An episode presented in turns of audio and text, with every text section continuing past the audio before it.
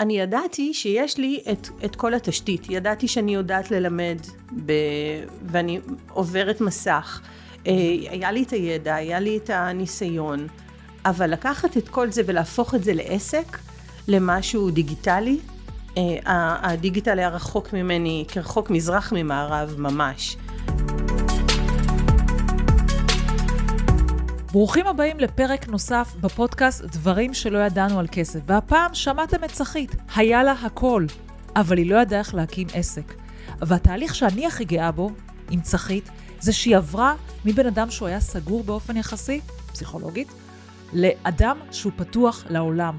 וזה תהליך מדהים, תהליך אישי עמוק מאוד. אני ממליצה לכם להקשיב לפרק ולשמוע על התהליך המדהים שצחית עברה. אולי תלמדו דבר או שתיים. האזנה נעימה.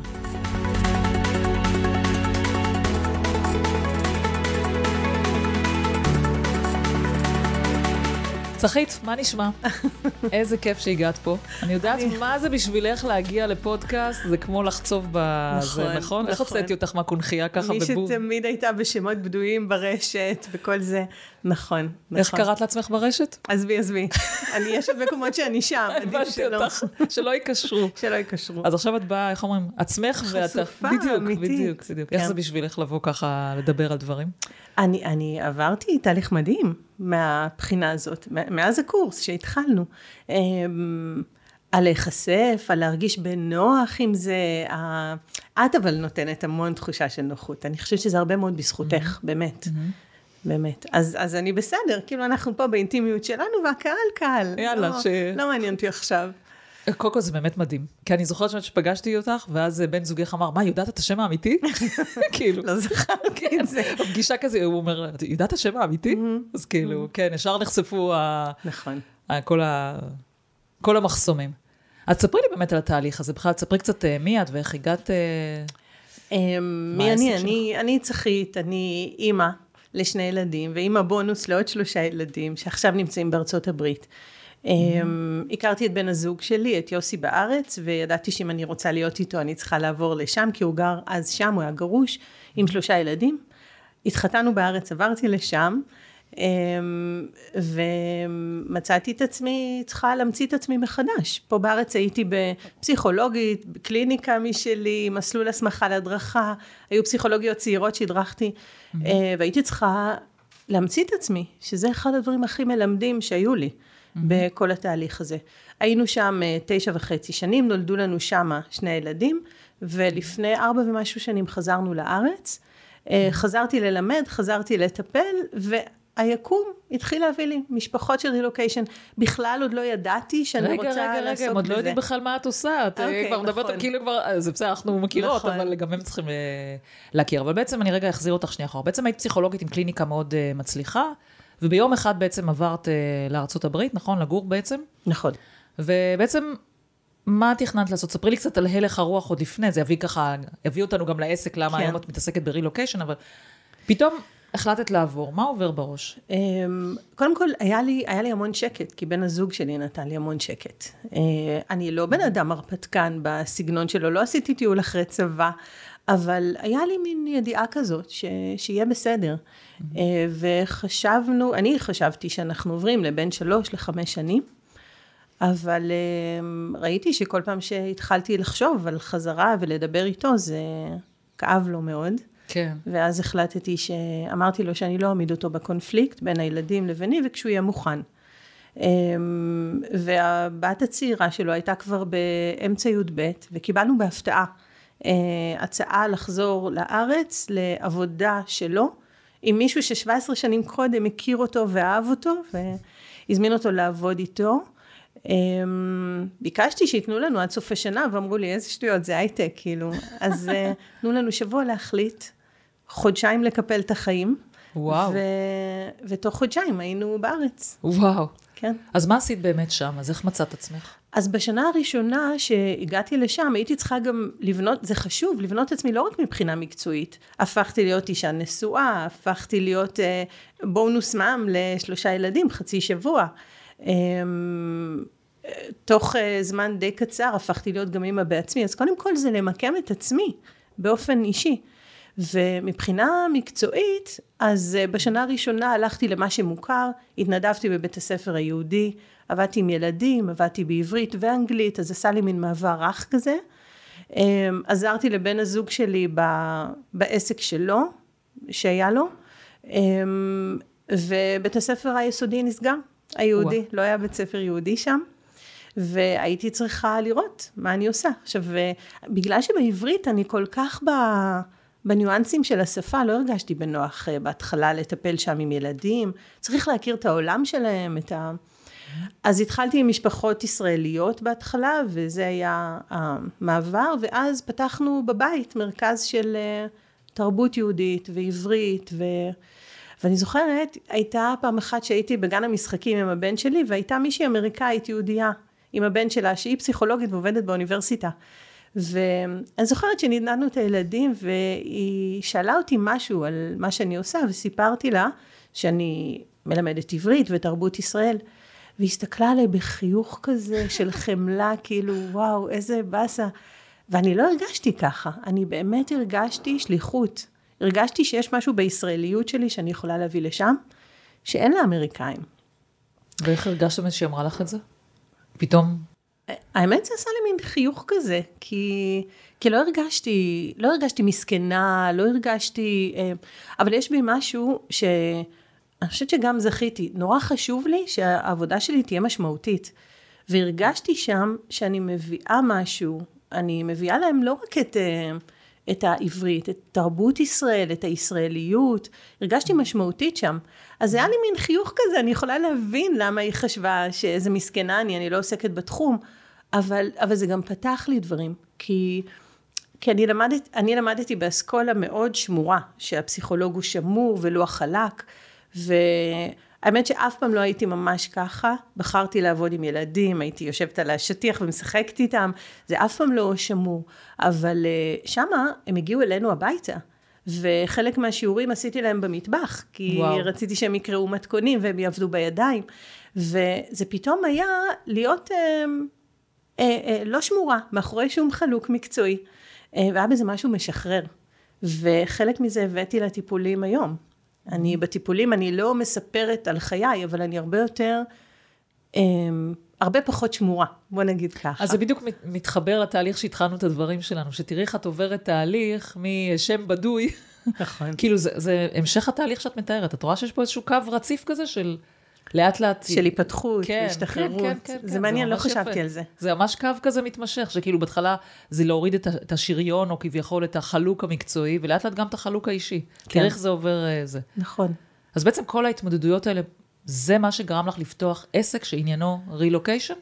Uh, לא, אז, אז אני אגיד מילה, אז היום uh, uh, אני מטפלת, אבל uh, יותר ויותר מתמקדת ועם הרבה ידע אם אפשר להעיד על עצמי, על, uh, על רילוקיישן. אני מלווה משפחות ברילוקיישן בשלב שלפני, כשהם שם, ובחזרה ארצה. ומה שקרה, כשחזרנו לארץ וחזרתי לטפל, אז התחלתי להגיד, היקום הביא לי, התחיל להביא לי משפחות אה, לפני רילוקיישן. כאילו משפחות עם ילדים, עם התמודדות... אה, סתם, בלי פרסום? כאילו בלי, ככה? אני אפילו לא ידעתי שזה משהו שהולך אה, להיות uh, בכיוון. וראיתי שאני יכולה לתת להם דברים ואני עוזרת גם, לשמחתי. ואמרתי, חשוב לי החלק הזה המשמעותי. ואז אמרתי, רגע, יש לי גם את הניסיון ויש לי גם את הידע, אז למה לא להנגיש אותו? אה, ואז פגשתי אותך. אז ספרי על זה, על הנקודה הזאת באמת שהחלטת כאילו לפתוח עסק, ומה מה קורה לבן אדם שפתאום אומר, רגע, יש פה איזה משהו אחר? ככה, קחי אותי חזרה על ה... אז, אז זה, זה הבשיל אצלי. קודם כל, חשבתי אולי לעשות על זה דוקטורט. התחלתי לשחק עם הרעיון שאולי את הדוקטורט אני אעשה על נשים ברילוקיישן, או על התמודדות של אימהות ברילוקיישן, ככה זה התחיל. Mm-hmm. והתחלתי לקרוא חומרים. נוספים, ואמרתי, רגע, זה הרגשתי, זה הרגשתי, זה אני גם יכולה להעיד. זאת אומרת, זה נגע לי בנקודות שלי. Mm-hmm. ואז זה, זה היה אחרי הקורונה, ואני מלמדת באוניברסיטה, וביקשו ממני להעביר קורסים בזום. וראיתי איך אני מתמודדת עם זה, וראיתי שאני מצליחה להגיע לאנשים דרך הזום. Mm-hmm. ולאט לאט הכוכבים התחילו להסתדר, ואמרתי, אני רוצה אה, להקים עסק דיגיטלי, של לעזור למשפחות ברילוקיישן, שלא יהיה תלוי אזור, שלא יצטרכו להגיע פיזית, אלא אם כן הם רוצים. וחיפשתי מישהו שיוביל אותי, שיעזור לי. ועברתי כמה, זאת אומרת עברתי ייעוץ אחד חד פעמי, שהרגשתי שזה לא הכיוון, לקחתי קורס דיגיטלי ובמקביל אני חושבת שיצרתי קשר איתך, או שאתם יצרתם קשר איתי, כי הייתי בוובינרים שלך. איך הגעת בכלל אה, לוובינרים? את לא מישהי שחיית רשת כזאת, או שכן? ממש לא. את לא, אני זהו, ממש לא חיית אה, רשת. אני חדשות, אני שומעת מהבעל שלי, לא, לא צורכת. זה גם אני. ואימא שלי, אימא שלי, איך את לא שומעת חדשות? את לא גרה במדינה הזאת, איך את לא שומעת? זה, אני שומעת את זה הרבה. כאילו... אבל לא, הכל מגיע אליי. יום, יומיים, אז אני אומרת, הוובינר שלי הגיע אלייך, זה כבר מצחיק אותי. אז... אמ, אני לא זוכרת איך, איך זה היה, אני חושבת שאת הופעת לי כנראה, ב... אה, והיה משהו באנרגטיות שלך, שמשך אותי, וראיתי בהתחלה, אני חושבת, סרטונים קצרים כאלה, mm-hmm. ואחר כך אה, הייתה איזו הזמנה לוובינר, והלכתי לשמוע. אני לא זוכרת אפילו איך זה התגלגל, אני רק זוכרת שהופעת לי בכל מיני מקומות. ככה ו... זה השיווק הזה. כן, כן. Mm-hmm. והיה משהו ב... בכנות שלך, שמאוד אהבתי, אה, בישירות שלך ובזה שאת את, את לא מתיימרת, אני מאוד אוהבת את זה. Mm-hmm. אני גם מאוד, אה, זה גם מאוד מדבר אליי, כאילו משהו נקי, יחף כזה. Mm-hmm. ואז התחלתי לחשוב, אז יצא הקורס שלך, אז אני התוודעתי לקורס שלך, mm-hmm. והתחלתי לחשוב ואמרתי, רגע, אבל לקחתי קורס נוסף. יומיים קודם לקחתי קורס נוסף, נרשמתי, שילמתי, אה, ומאוד התלבטתי. אבל היה משהו סוחף בדרך שבה, שבה הנגשת את זה. ו, ואני חושבת, ואמרתי לך את זה בסוף הקורס, שהדבר הכי משמעותי שאני קיבלתי זה הבעיטה בתחת, כאילו, לעשות את זה. לא, כי אני בן אדם של תהליכים ארוכים. ברור, פסיכולוגית, נו מה, מה נגיד? ממש, ממש. אה, אתה יודע, הכל אצלי... אם אצלכם ארבע שנים זה תהליך, זה כאילו קצר, נכון? זה תהליך לא, קצר. לא, לא, ועם ילדים לא, אבל אה, עם ילדים לא, אבל, אה, אבל אמ, אצלי הכל, הכל הלך לאט בחיים, אבל הבשיל טוב. הכל. מהשיניים שבקעו לי מאוחר, דרך הנישואים שלי ודרך האימהות שלי ודרך... Mm-hmm. אמ, ופתאום זה היה משהו בקצב אחר, וידעתי, באיזשהו מקום ידעתי, שאני צריכה קצב אחר, שאני צריכה משהו כזה. והצעת לנו לכתוב את הדף חזון, וכתבתי דף חזון ואמרתי איפה ואיפה, ולפני כמה שבועות אה, ישבתי עם, עם הבעל שלי, והוא אומר לי, את זוכרת מה אמרת? זה באמת יוצא, זה באמת ככה, כבר יש לך וובינר, כבר יש לך מערכת, כבר יש לך אה, עוזרת אישית, כל מיני דברים שהיו הזויים.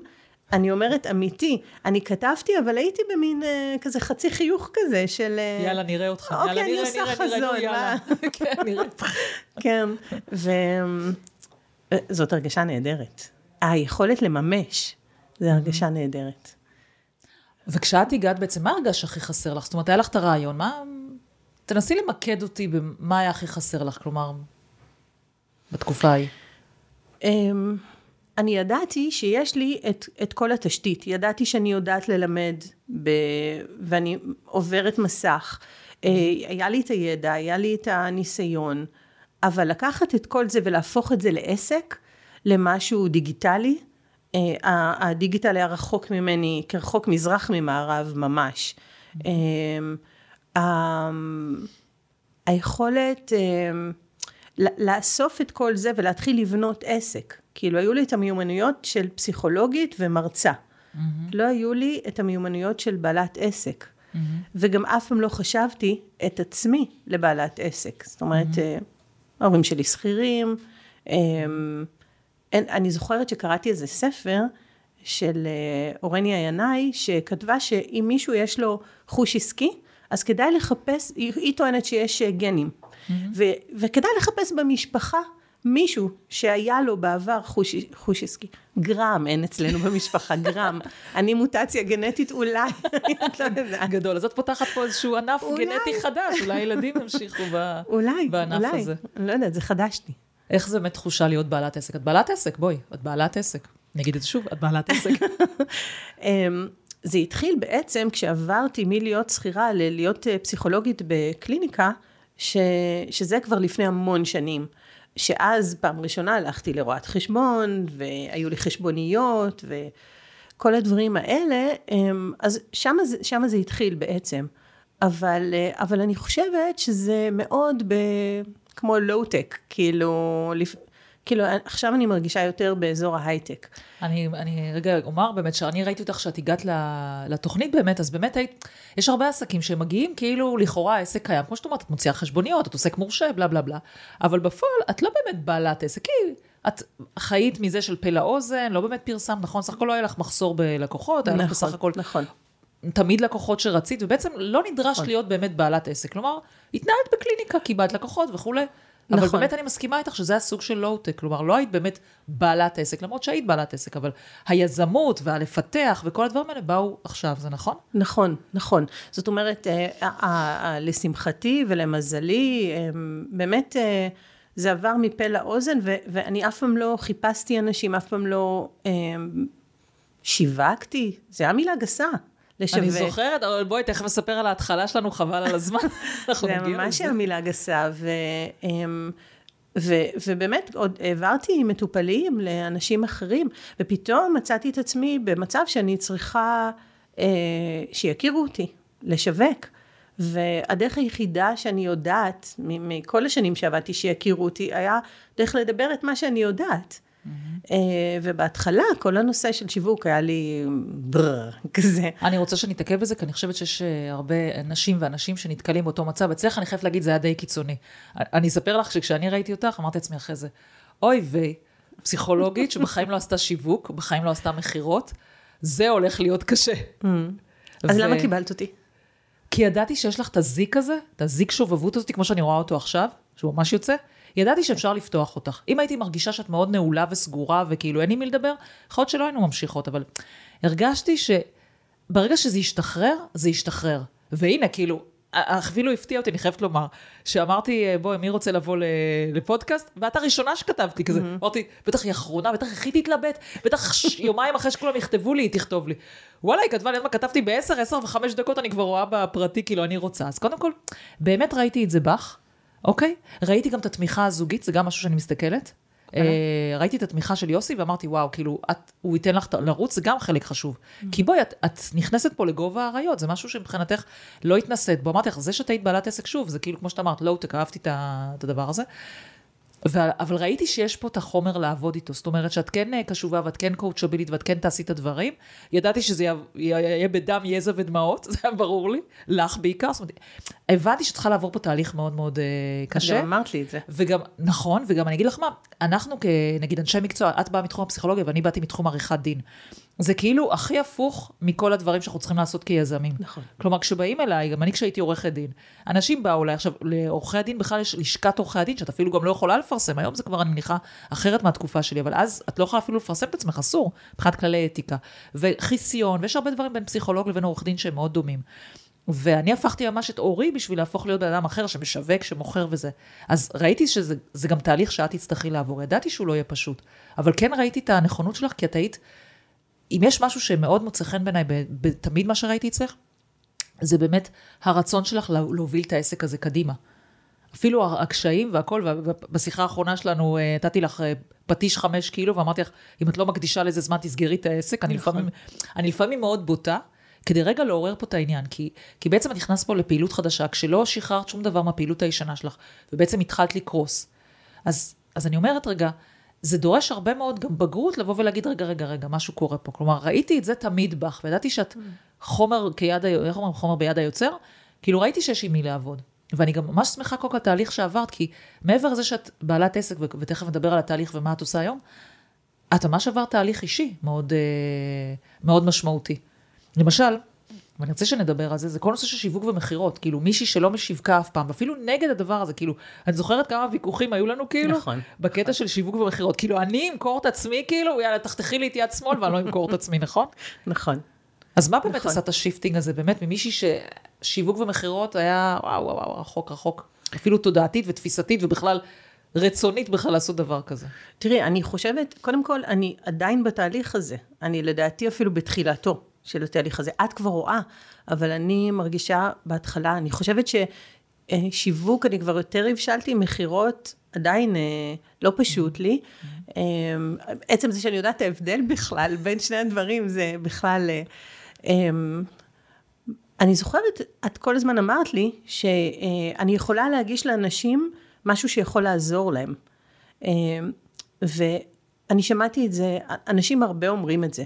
ותמיד חשבתי שזה סוג של יאללה, סלוגן. כאילו, סלוגן כזה, כמו שאומרים, לא זמן, לא כמות עם הילדים, איכות עם הילדים, יאללה, יאללה, יאללה. כאילו, כן. חשבתי שזה מין משהו כזה שמשקיט את המצפון של הבן אדם. אבל כשהתחלתי לעשות את הוובינרים, ואנשים אה, כתבו לי תודה רבה, קיבלנו כלים, זה היה, זה היה טוב, ארגנת לנו את החומר בראש. אז פתאום אמרתי, וואלה, כאילו אני, אני מגישה את הידע, ואנשים באמת נתרמים מזה.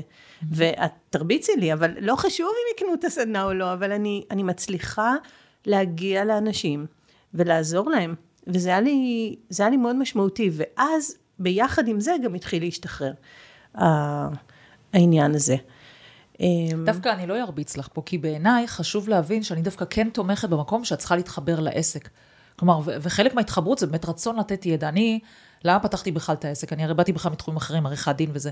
מזה שראיתי בדיוק את מה שאת ראית. את זה שראיתי שאנשים באים אומרים לי, וואו, דנה, תקשיבי, את משנה לי את החיים, אז זה גרם לי להבין שוואו, יש פה משהו חזק, ולכן הפכתי את זה למקצוע. ואני שמחה שאת חווה את זה בדרך הזו, שגם לא אכפת לי אם מישהו לא יקנה אצלך בוובינר. העיקר שאת חווית את העניין הזה, שאת נותנת ערך.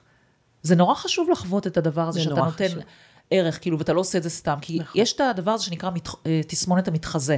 כאילו, האם באמת אני נותן ערך? עכשיו, היום אני בטוחה שאת יכולה לבוא ולהגיד, כן, הערך שאני נותנת שווה גם כסף. אבל זה את יודעת להגיד, כי את, את שומעת הפידבקים מהאנשים, גם בשיחות וגם בוובינר. אם לא היית חווה את זה, לא היית מרגישה נכון גם למכור. אני יודעת שעדיין יש לך קושי במכירה. וצריך לדבר על זה, זה, זה משהו שהוא טבעי גם. אנחנו כאילו רוצים שאנשים יבואו, גם את התרגלת כל החיים. בדיוק, זה אנטי-DNA. בדיוק, שאנשים באים אלייך כאילו בלי, בלי שאת צריכה להגיד שום דבר. אבל פה, תחשבי, אני באמת אומרת את זה ומאמינה, וזה לא סלוגן, שאין לי את הזכות, אני כל הזמן אומרת את זה, אין לי את הזכות לשבת עכשיו בבית ולהגיד, וואלה, לא בא לי לעשות עכשיו סרטון, או לא בא לי לעלות פוסט, או לא בא לי לעשות וובינר, כשאני יודעת שיש מישהי בבית, או מישהו בבית, שיושב, יש לו כאב עכשיו, אצלך זה רילוקיישן, אנשים עכשיו, לא יודעת מה, אישה שעכשיו חרדה, בעלה אומר לה, תקשיבי, אנחנו צריכים לעשות רילוקיישן, והיא כולה בבית עכשיו, בפחדים, בלחצים, איך הילדים יהיה, איך זה, ואת יושבת כאילו, ואין לך, לא בא לי לעשות עכשיו, לא בא לי להיחשף. כאילו, מבחינתי זה, לא, זה לא נתפס, זה חובה שלנו כ, כבעלי עסקים. הזכות שלנו הגדולה זה לעזור לאנשים, החובה שלנו זה לעשות מה שצריך כדי לעזור לאנשים. ככה אני ממש רואה את זה, לא סלוגן. אני באמת, שיש לי ימים קשים, ולא בא לי לעשות משהו, אני אומרת אותו דבר. Mm-hmm. נגיד, הפודקאסט הזה, אז זה לא אכפת לי אם אנשים יקנו, עצם זה שאני יושבת עכשיו איתך, וכיף לי איתך, ואני יושבת יום כזה, וממש כיף לי, את אמרת לי מקודם, כי אני שומעת את הפרקים שלך ורואים נכון, שאת כיף. מרגישים. אני ממש נהנית עכשיו, אני כאילו בכלל לא בעבודה עכשיו, אני כאילו בשיח קפה כזה. אה, אז, ואני יודעת שאנשים מתרמים, ואני מקבלת כל הזמן על, על הפודקאסט, וואו, כאילו, קיבלתי נקודות ודברים. מה יותר כיף לקום בבוקר ולדעת שאת עוזרת לאנשים? כאילו, מה יותר מזה? כשאנחנו נהיה בני 90, מה נחשוב על, על מה, אם לא על דברים האלה? נכון. איך השפענו נכון, על אנשים? נכון.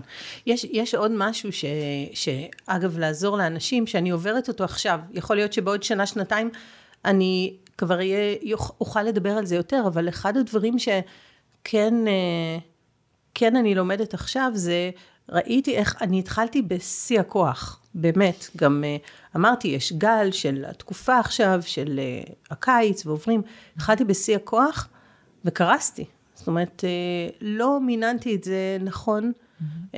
עבדתי עד 12 וחצי, אחת בלילה, כמעט כל יום, מתוך... לא מתוך גרידיות, מתוך הרגשה של... התלהבות, לא? התלהבות לעשות זה היה גם התלהבות וזה היה גם, אה, רגע, אבל אלה שואלים אותי ואלה עונים לי ואני צריכה לתחזק את הכל. ו, ודווקא בן הזוג שלי אמר לי, אה, אי אפשר ככה. אז ייקח כמה שייקח, לכי כמה צעדים אחורה, תתחילי לבנות את זה יותר שפוי. ו, ושחררתי, והוא אמר לי, זה בסדר, זה בסדר. כאילו, עצם הביטחון הזה שהוא נתן לי, שזה בסדר, כי, כי מבחינת הקליניקה, כשמטופלים סיימו, לא חידשתי מטופלים. אה, בעצם היכולת להניח ולבטוח בזה, שיהיה בסדר, ולבנות את עצמי עכשיו בצורה אחרת, זה גם כן שיעור שאני ongoing עכשיו לומדת. לומדת אותו. וזה עשה רווחה. אבל מה גרם לך באמת לרצות כאילו לעשות אה, ככה, בואי רגע נחזור שנייה רגע לכמה חודשים אחורה, מה גרם לך באמת כאילו טק טק טק טק טק לעשות מהר את הדברים וזה?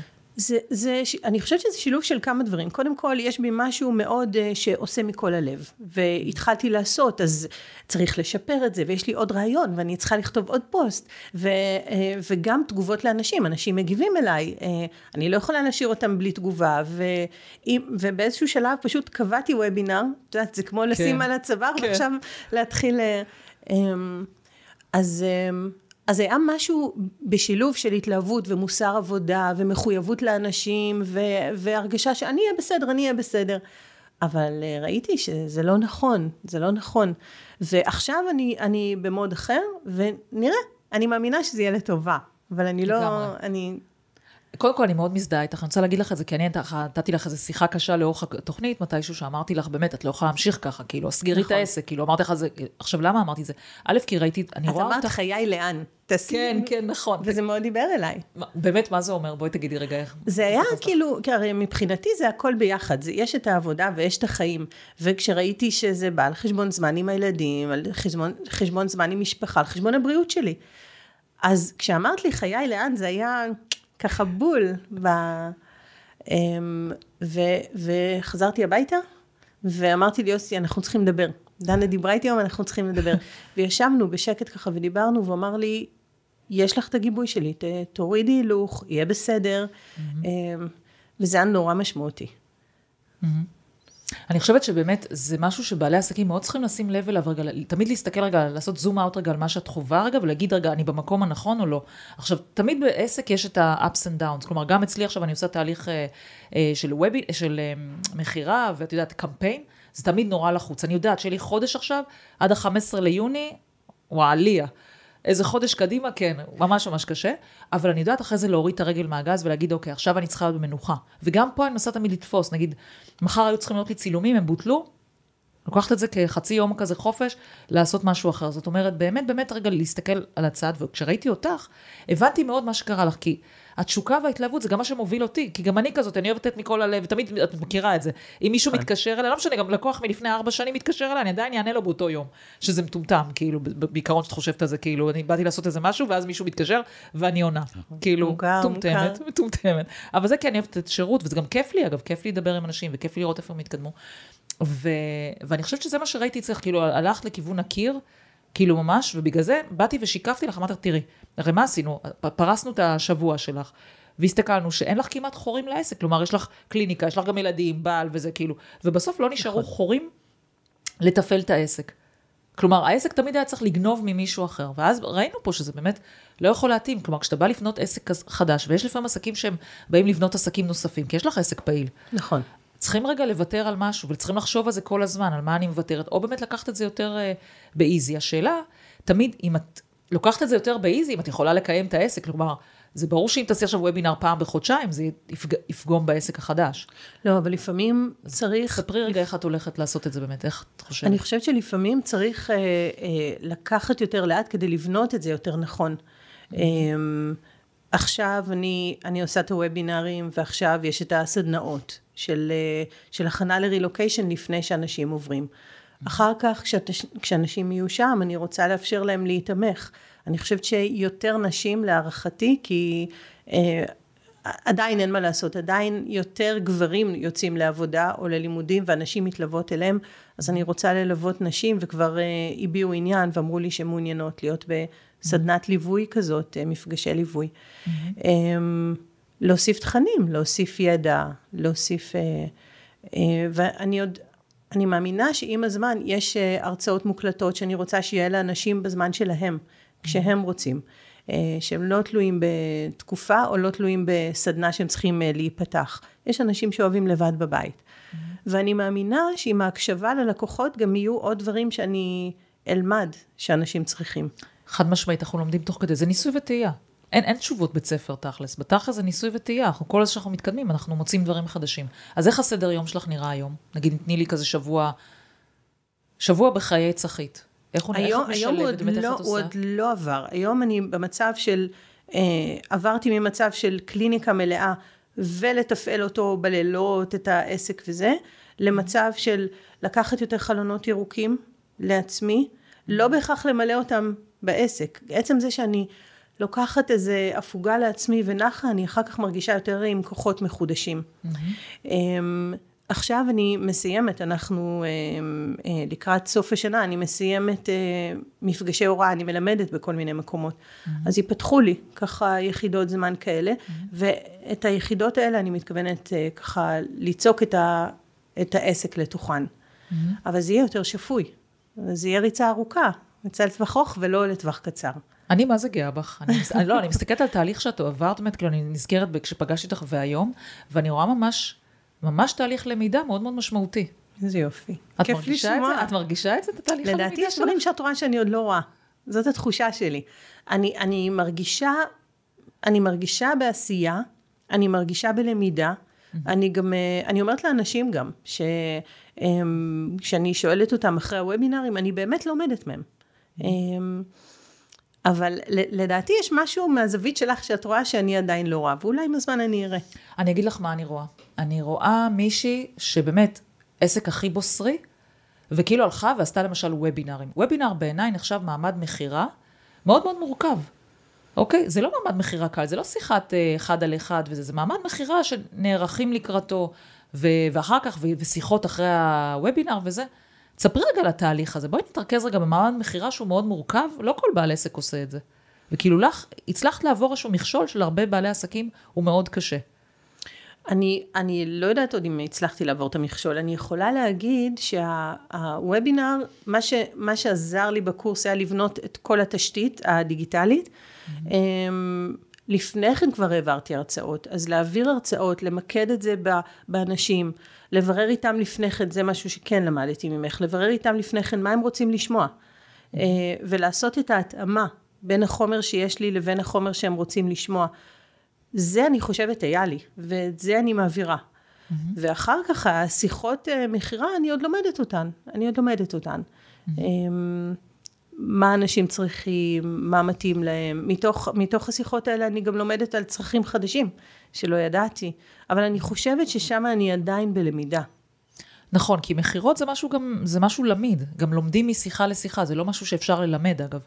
זאת אומרת, אנחנו... זה כן גם יושב לעשות... אצלי על ההתנגדות, אל תשכחי. נכון. ההתנגדות שלך בעצם, אה, אני אספר פה קצת, ההתנגדות שלך בעצם נובעת מזה שכאילו את רגילה לדיסקרטיות, לקטע של בן אדם בא ואומר לך משהו, איך את עכשיו יכולה להשתמש בזה כביכול במכירה? כי מה שאנחנו עושים במכירה, אנחנו משתמשים בכאב של האדם, ונותנים לו איזשהו סוג של פתרון, והרגיש לך מאוד לא טבעי לעשות את זה. הרבה יותר מלא טבעי. להשתמש בכאב של האדם הרגיש לי מניפולטיבי, הרגיש mm-hmm. לי אה, להשתמש בכאב של האדם לצרכיי. Mm-hmm. אה, זה היה לי ממש לא, ואני עדיין עוברת תהליך. Mm-hmm. אבל... אה, היום קצת השתחרר לך בזה, או שעדיין את מרגישה סוג של התנגדות ואת עושה את זה כי את צריכה לעשות את זה, או שאת כבר מרגישה כן יותר טוב עם העניין הזה? אני עוד לא משוחררת עם זה. אבל את מרגישה איזושהי התקדמות בזה? אני מרגישה, אני מרגישה יותר התקדמות סביב זה שאם אנשים מספרים לי מעצמם mm-hmm. על כאב שיש להם, שעלה בוובינר, אה, אמרה לי אתמול מישהי, היא אמרה לי, את יודעת, אה, אה, זה, זה מישהי, זאת מישהי שעוזרת לי, העוזרת האישית שלי, והיא לא בעניין של רילוקיישן. אבל היא אמרה לי, את יודעת, את נתת את הדוגמה של ילד בן 14, ואיך נראה היום שלו, וש, ופתאום ההורים נוחתים עליו, אחרי שהוא מאוהב במישהי, והוא, וההורים נוחתים עליו עם זה, והיא אומרת, זה גרם לי לחשוב על הילדים שלי, ועל אה, זה של כמה אני, כמה אני באמת מכירה את היומיום שלהם, וזה גרם לי ככה... כאילו לחזור אליהם או משהו כזה. ש, שזה שכרי. אז אם אנשים באים ואומרים לי על דברים מסוימים, אז אני יכולה לקחת את זה. Mm-hmm. Uh, עדיין קשה לי עם הלעורר את הכאב של הבן אדם. Mm-hmm. זה חלק אבל ש... אבל אנחנו מבינות שאדם בא והקשיב לוובינר, היה לו דברים יותר טובים לעשות, והוא עדיין הקשיב לך לוובינר, שעה וחצי, שעתיים, לא יודעת כמה שאת עושה. אז עדיין חסר לו משהו בחיים. אני, יש לי פרק אחד שאני קוראת לו, מה זה השטויות האלה, מה זה הבולשיט הזה, אה, אזור הנוחות. אני לא מאמינה בדבר שנקרא אזור הנוחות. בעיניי זה לא אזור נוחות. זה אזור קיפאון, אזור של טרום, אה, איך אומרים, לנבול, אז טרום אה, נבלות, לא יודעת איך לקרוא לזה בעברית. טרום נבילה? כן, בדיוק, okay. טרום אוקיי. נבילה. אני אומרת, גם אנחנו כיצורים חיים, אני תמיד מסתכלת כמו על צמחים. צמח לא יכול לקפוא, נכון? או שהוא צומח או שהוא נובל. אין נכון. מעמד ביניים. אותו דבר אני מאמינה על אנשים. אז אם מעניין. אנשים בא, באים אלייך לוובינר, חסר להם משהו, הם רוצים לקבל ממך איזשהו משהו. לא כולם יקנו אצלך, לא כולם ימשיכו איתך, זה בסדר, אבל משהו חסר להם. וכשאנחנו שואלים, נגיד, בשיחת מכירה, זה לא קטע מניפולטיבי, אלא מה באמת חסר לך? למה הגעת? Mm-hmm. למשל, אתן לך דוגמה. בתחום שלי, התחום הכלכלי, עשיתי, עכשיו אני מגייסת אשת מכירות ועשיתי לה סימולציה. ודיברנו על הנושא הזה, למשל, לפעמים באים זוגות ואומרים לך, הכל טוב, הוא מרוויח 20 אלף שקל, אני מרוויחה 20 אלף שקל, אנחנו 40 אלף שקל, אז כאילו, מה הקטע? אבל אני אומרת, מה חסר לכם? ואז בשיחה הזאת בעצם עולה לאותה גברת שההורים שלה, למשל, הם ממש במצב של הישרדות כלכלית. כלומר, לאבא אה, נשברו השיניים והוא צריך לתקן אותה ואין לו את הכסף. אז פתאום אחר כך אנחנו חוזרים. עכשיו, זה לא משהו מניפולטיבי, כי פתאום היא הבינה, נפלו עלה האסימונים בשיחה הזאתי, שרגע, אני לא רוצה להגיע למצב של ההורים שלי. זה הפלפל שיגרום לה לעשות, ואם אני הצלחתי לגרום לה, עזבי אם היא תקנה אצלי או לא תקנה אגב. את רואה, גם אני יש לי את הקטע הזה, זה לא כזה משנה. אבל עצם זה שהיא מבינה היום שרגע, אם היא תחסוך עכשיו, במקום 3,000, 10,000 שקל כל חודש, היא לא תגיע למצב של אבא שלך, שלה, וזה היה לה מאוד חשוב. עכשיו, יכול לעשות שיחת חולין כזאת, היא לא מעניינת, אבל שיחת מכירה נכונה, אוקיי? אני שונא את המילה מכירה, אבל שיחה משמעותית היא שיחה שהבן אדם השני פתאום חושב על דברים שהוא לא חשב. בדיוק מה שאמר, פתאום, היי, רגע, הערת לי פה איזושהי נקודה שלא חשבתי. והיא יצאה עם השיחה הזאת, רגע, במחשבה, רגע, אני לא רוצה להגיע למצב של ההורים שלי. שעכשיו אני צריך לחשוב אם כן לתקן את השיניים או לא לתקן את השיניים. או, או יותר גרוע מזה, גם הגענו בשיחה לדבר הזה שהאבא לא מוכן לקחת יל... אה, כסף מהילדים. ואז אני אומרת לה, ואיך זה יהיה בשבילך? כשאת תהיי מבוגר, צריך לקחת כסף מהילדים שלך. וזה, היא התחלחלה, אמרה, מה פתאום? אז את מבינה, זה מספיק אינסנטיב, תמריץ, לגרום לה לחסוך היום כסף. Mm-hmm. אז זה כן דורש את הרגע ההתעמקות הזאת, ואני לא פסיכולוגית, אני לא נכנסתי איתה ללמה היא מרגישה ככה, mm-hmm. אבל, אבל היא עצמה עשתה לעצמה רגע תהליך ואמרה, וואו, אני לא רוצה להגיע למצב הזה, וחס וחלילה שאני אבקש מהילדים שלי, ואת רואה את כולה בשפת גוף מתכווצת. Mm-hmm. הנה, אני, אני מתכווצת כשאני אומרת את זה, גם זה נכון. מרגיש לי, כאילו, גם לי, כשאני אחשוב על זה, כשאני אהיה מבוגרת ואני צריך לקחת כסף מהילדים שלי, עדיף שתחתכי לי את יד שמאל ואני לא אצטרך לעשות את זה, כאילו, אף אחד לא רוצה להגיע למצב הזה. נכון. אז זה פתאום פתח את זה מהשיחה הזאת. אז כמה משמעותי, את מבינה ששיחות כאלה, זה שיחות שנורא נורא משמעותיות עבור האדם השני.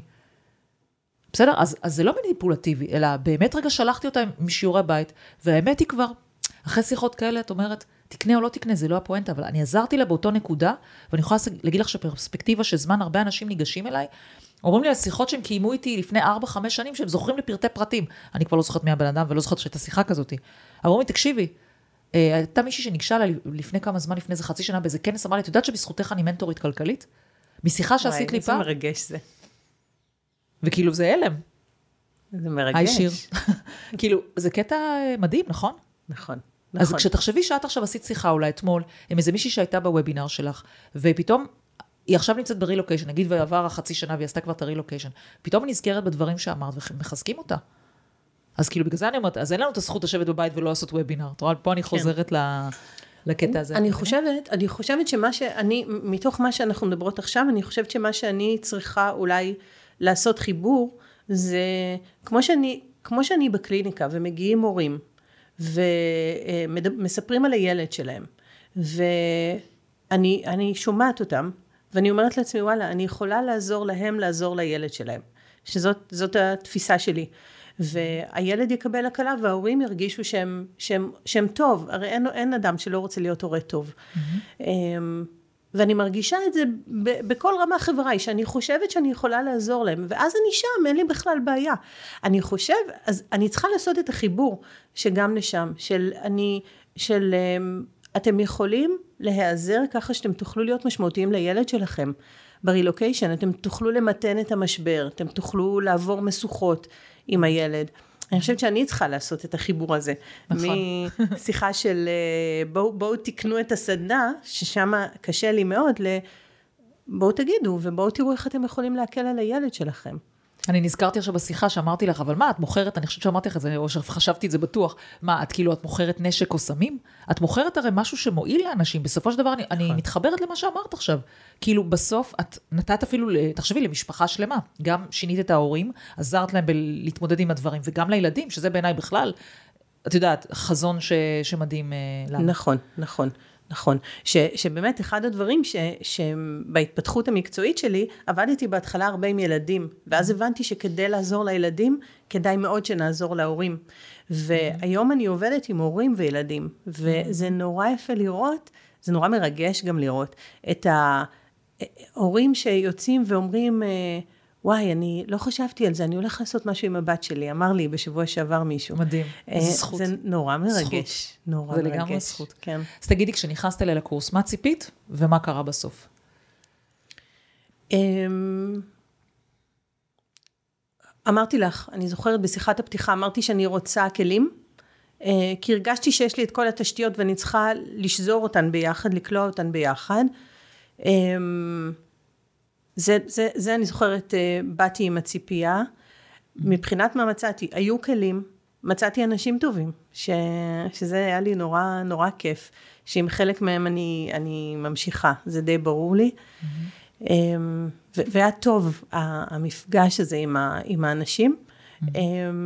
אני, אני מרגישה שזה תחילת הדרך, זה באמת, גם מבחינת, אה, גם מבחינת הליווי. גם באסכולה שגדלתי בה, פסיכולוגים ובצדק, אני חושבת, זה דיני נפשות, מודרכים במשך שנים ארוכות. זה לא, יאללה, גמרת, לך, צא לדרך. זה, כל פסיכולוג לוקח על עצמו להיות uh, מודרך.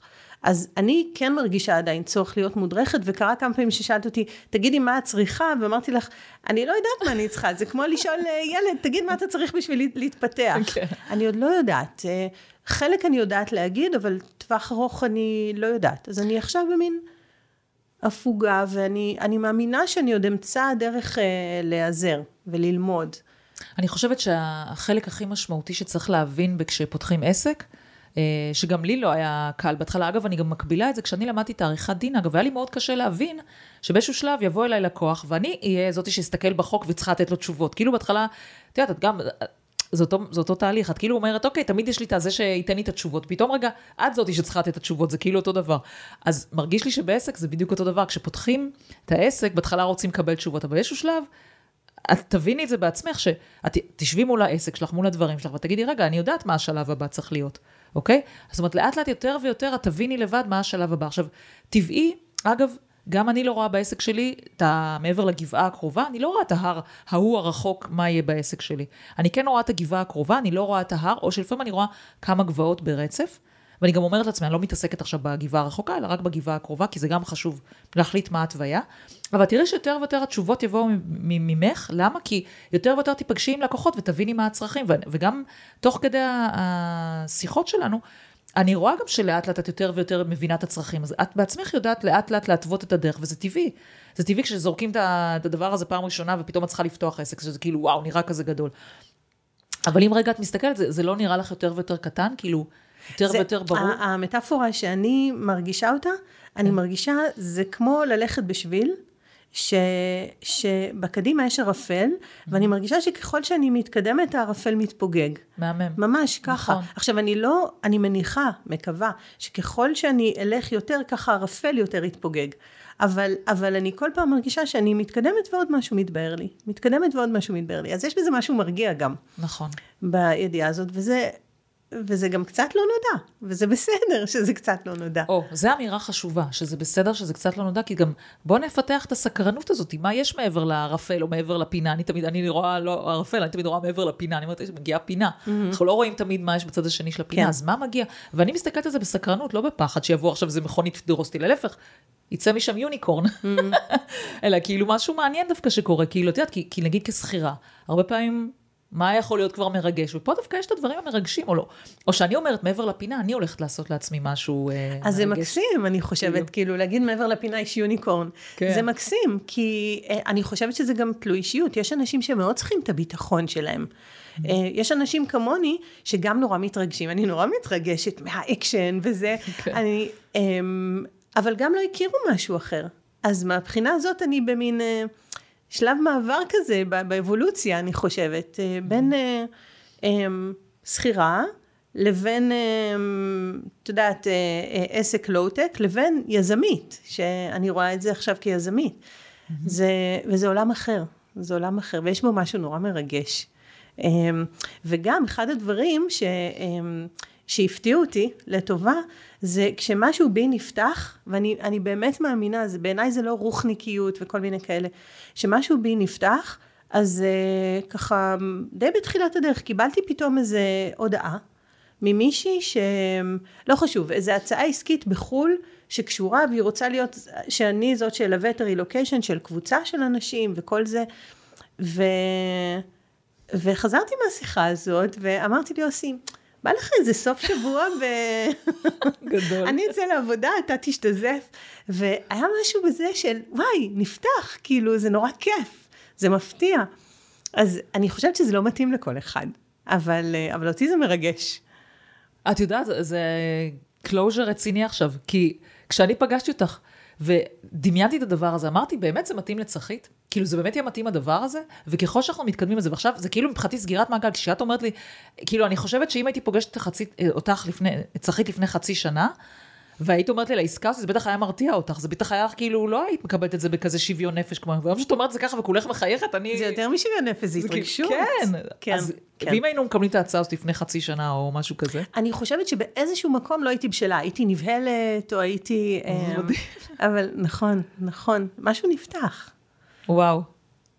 כן. תגידי, אז בכל זאת אני אשאל אותך, אז מה החזון שלך, כאילו, אבל החזון הבאמת, אמרת שהחזון מתגיים, אז בואי בוא נדבר על החזון הבא. מה היית רוצה באמת שיקרה איקס זמן היום, נגיד, מבחינה אוטופית? מבחינה מקצועית שלי? כן, מהחיים שלך, מבחינת החיים שלך. אמ, הייתי רוצה להיות, וואי, זה מביך. אמ, אני אגיד חלק ממנו.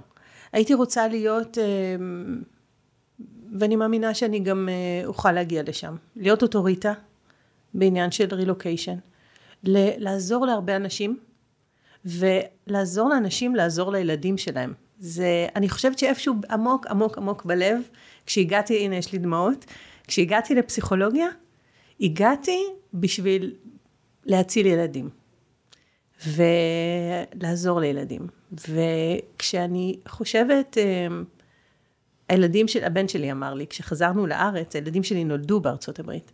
כשחזרנו לארץ, אז אה, הוא אמר לי ככה בטרוניה, הוא אמר לי, עליו ועל אח שלו, איך אתם הייתם מרגישים אם יום אחד אני והוא היינו באים אליכם ואומרים, עוברים לארץ אחרת. וואו.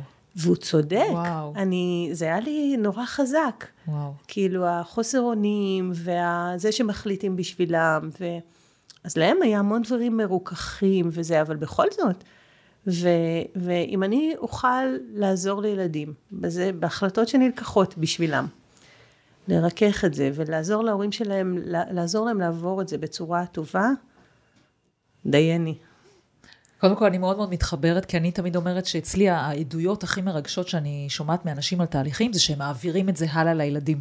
זה הכי מרגש אותי, שאני יודעת שהם יושבים עכשיו עם הילדים, בין אם הם קטנים ובין אם יותר גדולים, אבל מדברים איתם על הכסף וכל הדברים האלה, ואני יודעת שכבר החיים של הילדים השתנו, זה, זה הכי מרגש אותי. ואז אז כל כך אנחנו מתחברות לאותו דבר. ילדים זה משהו שהכי מרגש, אין מה לעשות. נכון. כאילו, אז נכון. כשאני שומעת במקרה שלי, אבל את יודעת מה, עכשיו את מביאה אותי לעוד מחשבה, גם את רואה, מביאה אותי לחשוב, זה באמת גם באמצעות העסקים. כשאני מלווה בעלי עסקים, ואני יודעת עכשיו שיש אימא או אבא, או שניהם, יותר מסופקים במה שהם עושים, ויותר כיף להם, זה גם מקרין על המשפחה ועל הילדים. נכון. הורים יותר מסופקים. נכון, נכון. פחות סטרס וכאלה. נכון. זה מדהים. אני, אני, כשאני מלמדת, יש משהו שאני אומרת לאנשים, ואני כל כך מאמינה בו.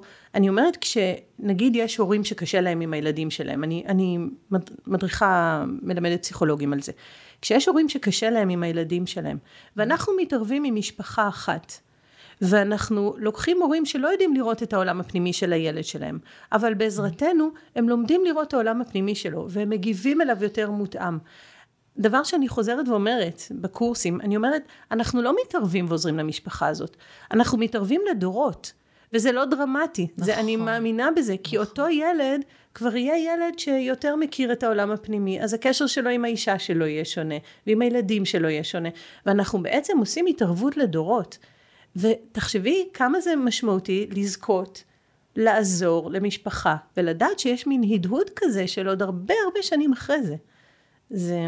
חד משמעית, אצלי זה בכלכלי, שאני יודעת נכון. שההתנהלות הכלכלית של הילדים כבר תהיה שונה, ולא יהיה את הבזבזנות ואת הזה, וכל מיני דברים שאני רואה ככה שצריך לעצור. והם יאפשרו לעצמם. יותר דברים, והם ינחו את הילדים שלהם. בדיוק, זה, זה מרגש, אגב, אותי גם מרגש שהרבה פעמים הורים וילדים באים ולומדים יחד. לפעמים הילדים באמת? יותר בגירים. כן, לפעמים זה הורים יותר מבוגרים, וילדים כבר בגירים, שבאים ולומדים יחד כפרויקט משפחתי. זה, זה מאוד מרגש. כי לפעמים את רואה במשפחה שבאמת אחד ככה מאוד minded והשני לא. ו- וזה משפיע בבית. ותחשבי שהם עושים פרויקט אחד, נגיד שזוגות למשל מתקדמים יחד. זה ממש מרגש, כי את יודעת שפתאום בבית יש הלימה סביב הנושא הזה, כמה זה חשוב באמת. אפרופו נכון. אגב גם אצלך ברילוקיישן, תחשבי איזה כיף זה ש, ששני ההורים באים ויש להם איזשהו ככה אג'נדה שהם יודעים איך לטפל בילדים ואיך לעבוד עם הילדים. אני מעודדת ו... אותם לבוא ביחד, כי מתפתחת mm-hmm. שפה משותפת. Mm-hmm. אני מדברת בכלל על לפני לחזור לילדים, אני מדברת על הזוגיות. לא הזוגיות, אין לי מנדט לזוגיות שלהם, אבל הזוגיות ההורית שלהם. Mm-hmm. איך, איך לגבש את ההחלטה ככה שהיא תעמוד באתגרים שם, איך אה, להכין אה, אזורים רכים אחד עם השני, כדי ש... כי, כי הם עמוד התווך, את יודעת, עליהם יש את כל המבנה של המשפחה. Mm-hmm. אז זה נורא חשוב, הביחד הזה. זאת אומרת, אם אנשים רוצים להגיע אליך עכשיו ולשמוע בעצם, מה את בעצם עושה עם אנשים? בואי ככה תספרי לאנשים מה, מה בעצם העסק שלך עושה? איך את יכולה לעזור לי? אני עכשיו משפחה ברילוקיישן, איך את עוזרת לי בעצם? אז קודם כל, בפייסבוק יש אינסוף חומרים חינמיים. פשוט להיכנס ולקרוא ולהתעשר מזה. Mm-hmm. אני מעבירה וובינרים שהם באמת, אני שמה דגש על המון ערך, ואני בונה את מפת הדרכים מרגע בשורה לילדים, או אפילו קבלת החלטה, ועד התקופה הראשונה שם. מה צריך לעשות? מותאם לכל גיל של ילד. זאת אומרת, mm-hmm. גיל הרך, גיל בית ספר יסודי וגיל ההתבגרות. אז אנשים שמעוניינים יכולים אה, אחרי הוובינר להגיע לסדנה. ממוקדת, שהם מקבלים ממני הרצאות מוקלטות, ואחר כך אנחנו מפתחים את זה במפגשי זום, mm-hmm. בקבוצות קטנות, חשוב לי שאלה תהיינה קבוצות קטנות של זוגות הורים. Mm-hmm. יש אנשים שמעדיפים לבוא באופן פרטני, ואז הם יוצרים קשר ואני מלווה אותם כמו ליווי או טיפול פסיכולוגי קצר מועד, ממוקד בעניין הזה של הרילוקיישן, או אה, מי שרוצה הדרכה לילדים, מי שרוצה עזרה בשבילו, יש אנשים שפונים בשביל עצמם. גם, גם אם אני ברילוקיישן כבר, גם אני נמצאת בחו"ל, את יכולה לעזור לי? כן, בוודאי, בוודאי. Mm-hmm. אני כל כך עברתי, נתקלתי בכל כך הרבה קירות זכוכית, עברתי על בשרי. כן, גם אנשים שנמצאים ברילוקיישן ויש uh, תגובות מושהות של הילדים, או קשיים של הדמות המלווה. כאילו, יש את מי שעובד ויש את הדמות המלווה שצריכה לבנות את האישיות שלה מחדש שם. אז גם זה, בקבוצות ובפרטני. Mm-hmm. Uh, ולקראת החזרה לארץ, אה, זה, זה, זה כאילו חושבים שזה קליל, חוזרים הביתה, אבל זה לא. חוזרים... אני ראיתי את זה ממישהי אצלנו ביישוב, שהם חזרו אחרי כמה שנים, ולבת שלהם, אה, שהיא בגיל של הבת שלי, מאוד מאוד קשה. אז אני מניחה שאת יכולה גם לעזור באמת לחזרה הזאת, שזה גם נורא נורא משמעותי. נכון, וזה מתעתע, כי זה כביכול לחזור הביתה, הביתה לעברית, שונה. לזה, כן. אבל הבית שונה, ואני כבר שונה. נכון. וזה מאצ'ינג שצריך אה, לעשות אותו נכון. Mm-hmm. אז גם לאנשים שחוזרים. טוב, אני חושבת על רילוקיישן, כבר אמרתי לך את זה פעם, יאללה. אז ברור לי שאני אבוא אלייך, שאני אצטרך אה, לשלב הזה, חכי טיפין טיפין אה, בדבר הזה, וקודם כל צחית, רציתי להגיד לך שהיה לי פרק מהמם. איך לך היה? איך את שרדת את זה? אני בכלל שכחתי. יש בך משהו מאוד, מאוד פותח את הלב, מאוד... לא, לא הייתי עסוקה בכלל בהקלטה, בזה, נכנסתי לתוך השיחה. אז קודם כל זה מדהים. על זה. זה. זה מדהים, כי באמת בת מאוד מאוד סגורה, ואני חושבת שאם אני אסתכל על התהליך הכי משמעותי שאני ראיתי שעברת, זה באמת, כמו שאמרת, איפשהו, זה לפתוח את עצמך לעולם. Mm. ובאמת העולם מסתדר לך, אה, תכלס, כשזה קורה. כן, תודה לאל, כן. אז המון תודה. תודה רבה רבה.